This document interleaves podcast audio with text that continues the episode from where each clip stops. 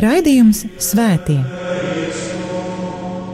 Katrā laikmetā ir dzīvojuši daudz svētie, un katrai paudzei tie ir un paliek kā dzīvās ticības liecinieki. Mocekļi, apliecinātāji, vīri un sievas, jaunieši un bērni. Svētie ir tik dažādi, gluži kā mēs, bet ir kāda īpašība, kura visus svētos vieno. Viņi mīlēja, mīlēja Dievu un cilvēkus. Raidījums par svētījumiem ir stāstījums par Dieva mīlestības reālo klātbūtni mūsu dzīvē. Santa Trinitas unos Deus, miserere Patris, Santa Maria, ora pro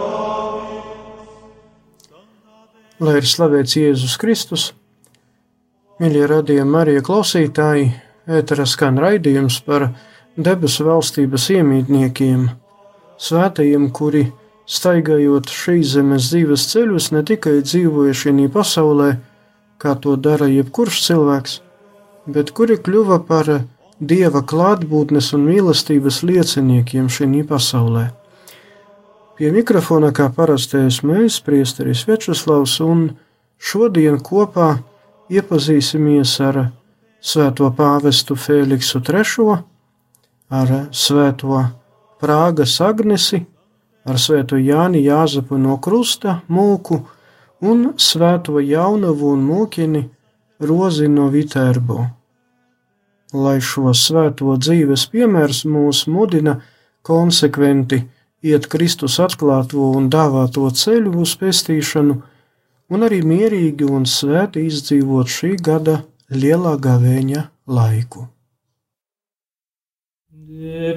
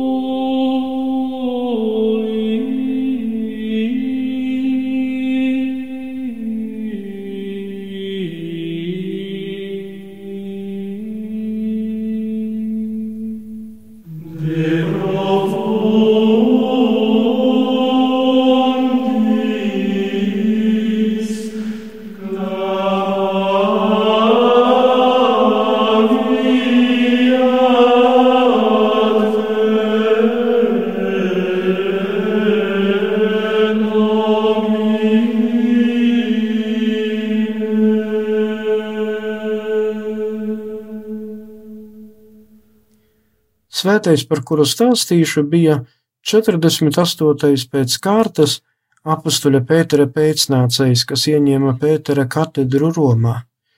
Fēliks, Fēliksa dēls, jo par Fēliksu sauca arī viņa tēvu. Sākotnēji Fēliks bija precējies ar kādu Petroniju, viņa ģimene piedzima dēls Gordijāns un meita Paula. Tiek uzskatīts, ka Paulas mazdēls bija Svētais Gregors I, lielais, pāvests un baznīcas mācītājs. Kad svētais Fēliks bija diakons, nomira viņa sieva.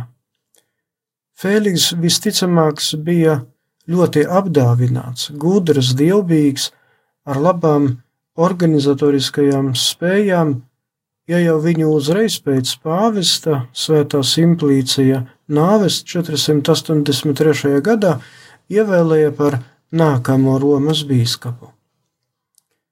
Politiskie apstākļi, kuros nācās vadīt Kristus baznīcu svētajam Fēliksam, bija diezgan sarežģīti. Itālija pakļāva savai varai gotu valdnieks Odoakrs, kas kļuva 476. gadā par Itālijas pirmo valdnieku. Lielas nepatikšanas sagaidīja pāvestu Fēliksu no Konstantinopolis baznīcas puses. Tajā laikā Austrumu baznīcā izplatījās monofizitu herētiskie maldi, kas sludināja, ka Jēzum bija tikai viena dievišķā daba, kura simtprocentīgi pakļāva Kristu cilvēcisko dabu. Konstantinopolis patriārhs Akācijas izstrādāja izlīguma formulu, tā saukto Henodiktonu. Saskaņā ar to ir e, ieteicams vispār nerunāt par Kristu esošajiem dabām. Šāda pieeja neapmierināja nec pašus monofizitus, nec visus pārējos kristiešus, un pāvests Fēliks III, kuru atbalstīja arī toreizējais imperators Zenons, bija spiests uzstāties pret Konstantinopolis patriārhu bet dusmu un patmīlības pilns akācijas, kurā arī atbalstīja varas ļaudis, sarāva attiecības ar Romas pāvestu un lika pāvesta vārdu nepieminēt liturgijas laikā. Tā izveidojās akācijas schizma, pirmā plaisa starp katolisko un pareizticīgo baznīcu. Schizma turpinājās vairāk nekā 30 gadi līdz pat imperatora Justīna I valdīšanas laikiem. Imperators atjaunoja 519. gada attiecībās ar apustulisko krēslu Romā. Savukārt pāvests pēc patriārha Akācija pēkšņas nāves arī aicināja bīskapus un priesterus dievkalpojuma laikā nepieminēt šī patriārha vārdu. Diezgan lielas problēmas piemeklēja baznīcu arī Ziemeļāfrikas reģionos, mūsdienu Marokas, Alžīrijas un Tunisijas teritorijā. Šos reģionus pakļāva Arijāņu maldu piekritēji, vandāļi. Viņu vadonis Huneriks lika visiem tur dzīvojošajiem kristiešiem no jauna kristīties pie arijāņu garīdzniekiem. Daudzi tam arī pakļāvās un automātiski kļuva par arijāņu sektas locekļiem. Pāvests Fēliks atļāva uzklausīt šo atkritēju grēku sūdzi tikai nāves draudu apstākļos. Pēc deviņiem Pētera laivas vadīšanas gadiem Svētais Fēliks III nomira 492. gadā 1. martā un tika apglabāts Svētā Pāvila bazilikā savas ģimenes kapenēs.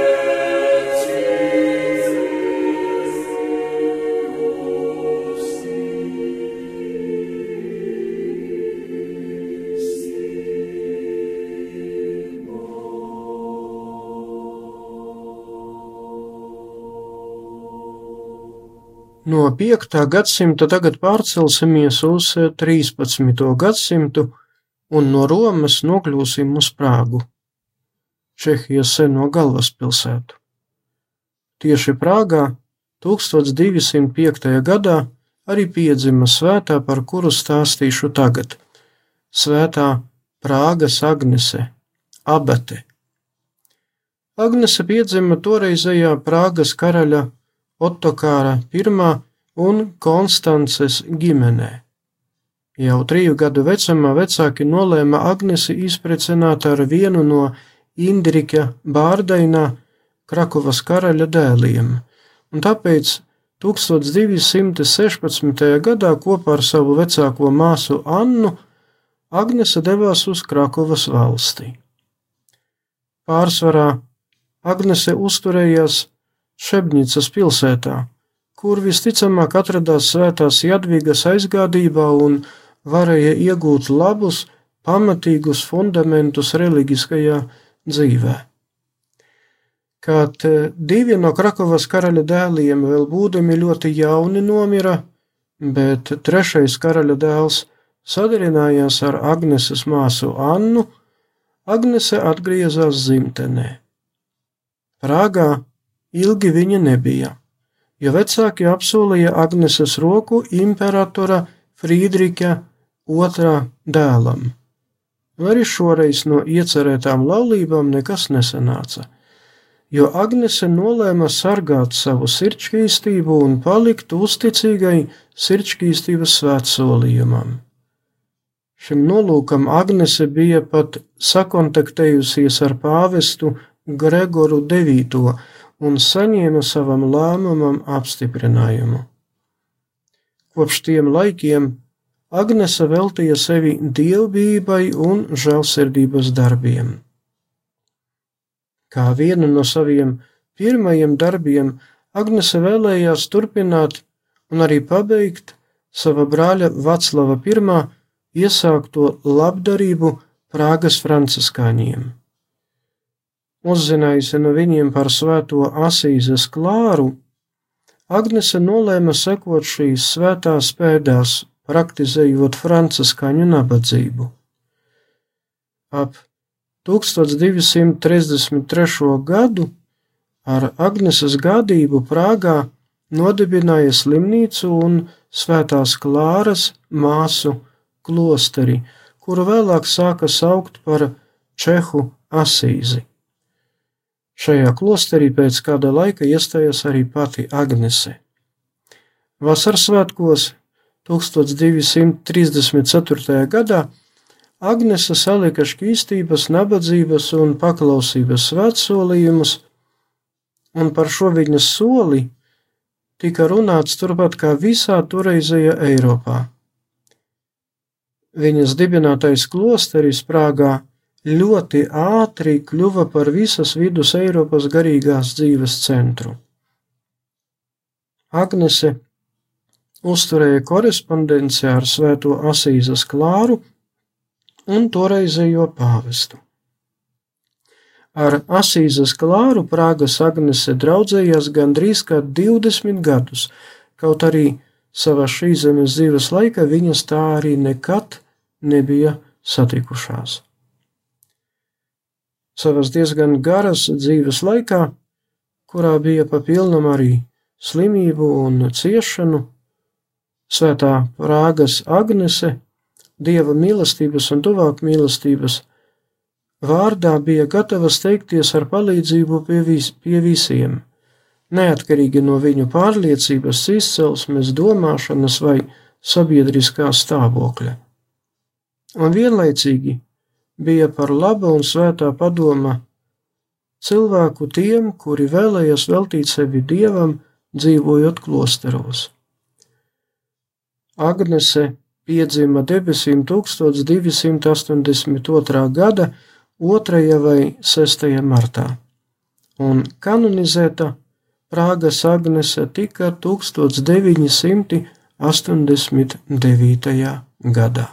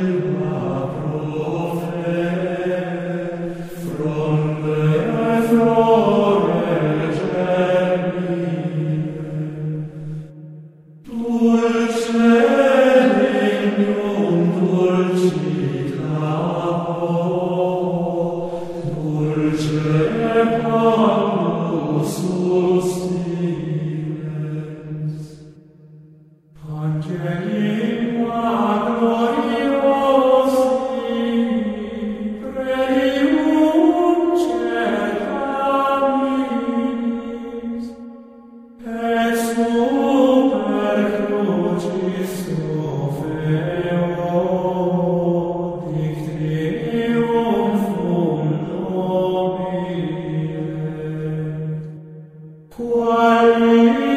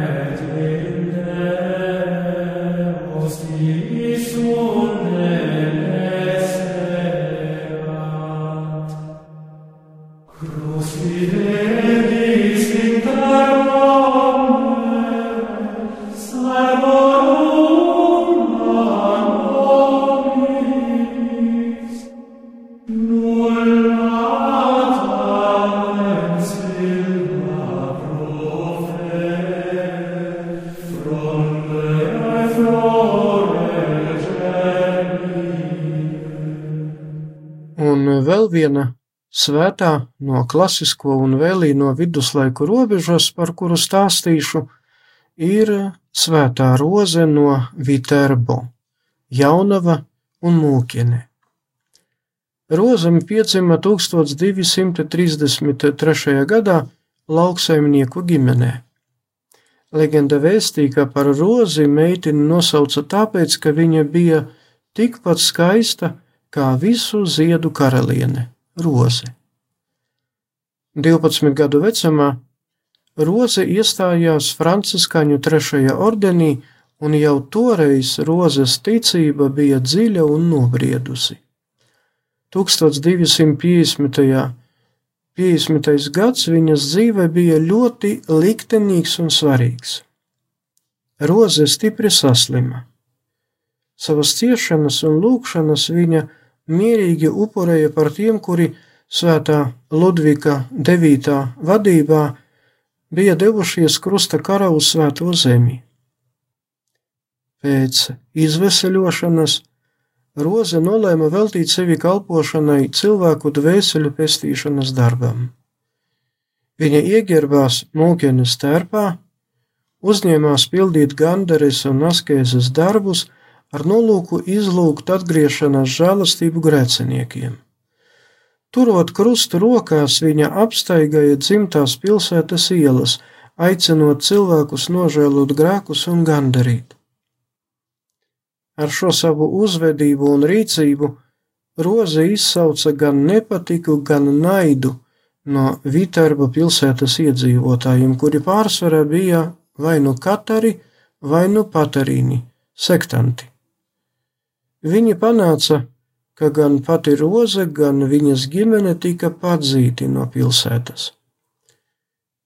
Pēc neilga laika, kad Roze bija jau izraidīta no Viterbo, viņa piedzīvoja vīziju, kurā redzēja, ka pavisam drīz Viterbo pabeigsies baznīcas nelabvēlīgie laiki, un pēc imperatora Friedriha otrā nāves, kad Viterbo atkal nonāks zem pāvesta varas, Roze varēs atgriezties uz savām dzimtajām mājām kuras ir saglabājušās starp citu līdz pat mūsdienām. Savas šīs zemes dzīves beigās Roze lūdza viņu uzņemt vietējo māsu Klarisu klosterī. Tomēr viņas sliktās veselības dēļ viņai tika atteikts. Ieklausoties sava bigtstāva padomos, Roze pārveidoja par klosteri savu mājokli, kur kopā ar savām draudzenēm veltīja sevi gan lūkšanai, gan karitatīvajiem darbiem. Apostolāta un arī Ganderes darbu novārdzināta Svētā Roze piedzima debesīm 1252. gada 6. martā, 20 gadu vecumā. Jāsaka, ka Kungs Dievs apveltīja Svēto Viterbas rozi ar daudziem brīnumiem kuras notika gan viņas šīs zemes dzīves laikā, gan pēc viņas nāves. Viņas atdusas vieta kļuva par neskaitāmu svētceļojumu galamērķi.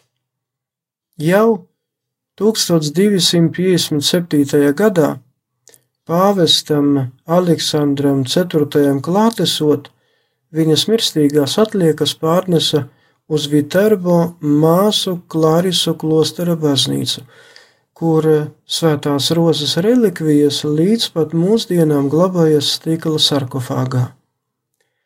Neraugoties uz to, ka kopš svētās nāves pagāja jau vairāki gadsimti, relikvijas ir un paliek laba stāvoklī un nav pakļāvušies satrūdēšanai.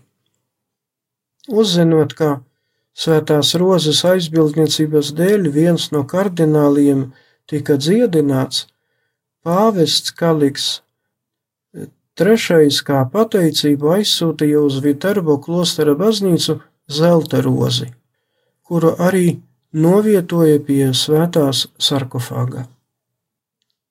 1458. gadā Viterbas roze tika oficiāli kanonizēta. Līdz pat mūsdienām ir saglabājusies skaista un dievbijīga tradīcija rīkot procesiju ar svētās Vitorba rozes relikvijām pilsētas ielās. Katru gadu naktī no 3. uz 4. septembri, tas ir datums, kad rozes mirstīgās atliekas tika pārnestas no kapiem uz klostera baznīcu, simts vīri, kurus sauc par Fačiņi de Santa Rosa, nes viņas relikvijāriju.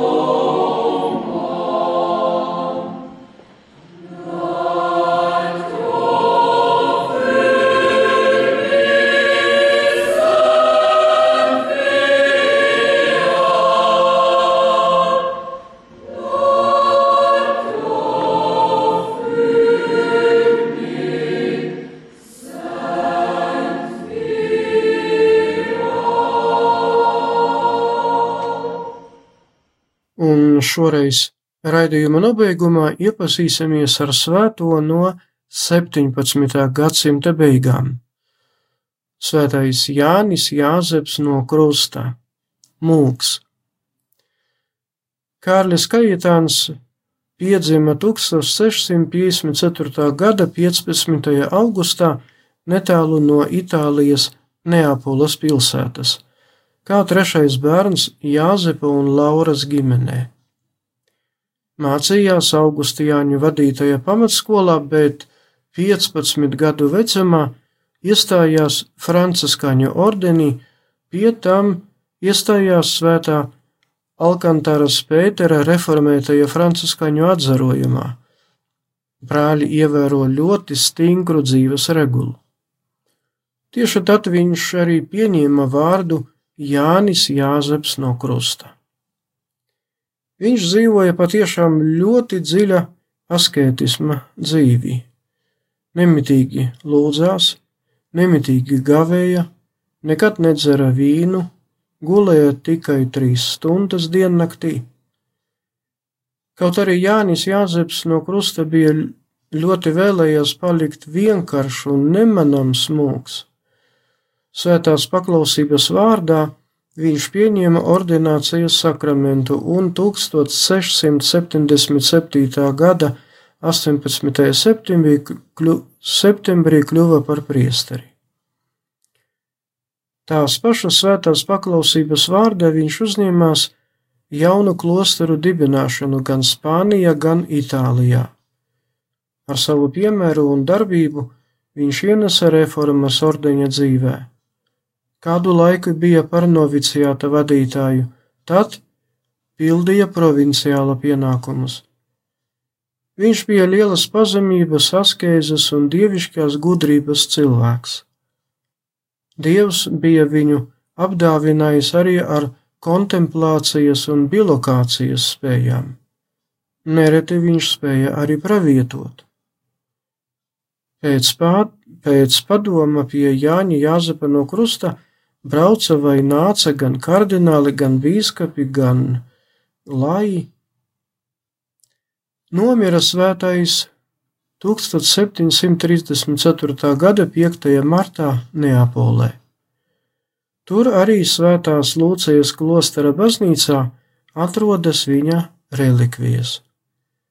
Kanonizēts Jānis Jāzeps no Krusta tika 1839. gada 26. maijā. Katru gadu septembra sākumā notiek viņa īpaša godināšana Viņa relikvijas nes procesijā gar Neapoles ostas piestātnēm. Lūksimies! Kungs Dievs, liec mums visu domāt un darīt pēc taisnības, lai mēs, kas bez tevis nespējam pastāvēt, varētu dzīvot saskaņā ar tavu svēto gribu. Mēs tevi lūdzam, mūsu Kunga Jēzus Kristus tava dēla vārdā, kas ar tevi svētā gara vienībā dzīvo un valda Dievs visos mūžu mūžos. Āmen! Dievs paldies par uzmanību! Ar jums bija priesteris Vjačeslavs, lai ir slavēts Jēzus Kristus. Raidījums Svētie! Katrā laikmetā ir dzīvojuši daudz svētie, un katrai paudzei tie ir un paliek kā dzīvās ticības liecinieki. Mocekļi, apliecinātāji, vīri un sievas, jaunieši un bērni. Svētie ir tik dažādi, gluži kā mēs, bet ir kāda īpašība, kura visus svētos vieno. Viņi mīlēja, mīlēja Dievu un cilvēkus. Raidījums par svētījumiem ir stāstījums par Dieva mīlestības reālo klātbūtni mūsu dzīvē. Santa Trinitas unos Deus, miserere Patris, Santa Maria.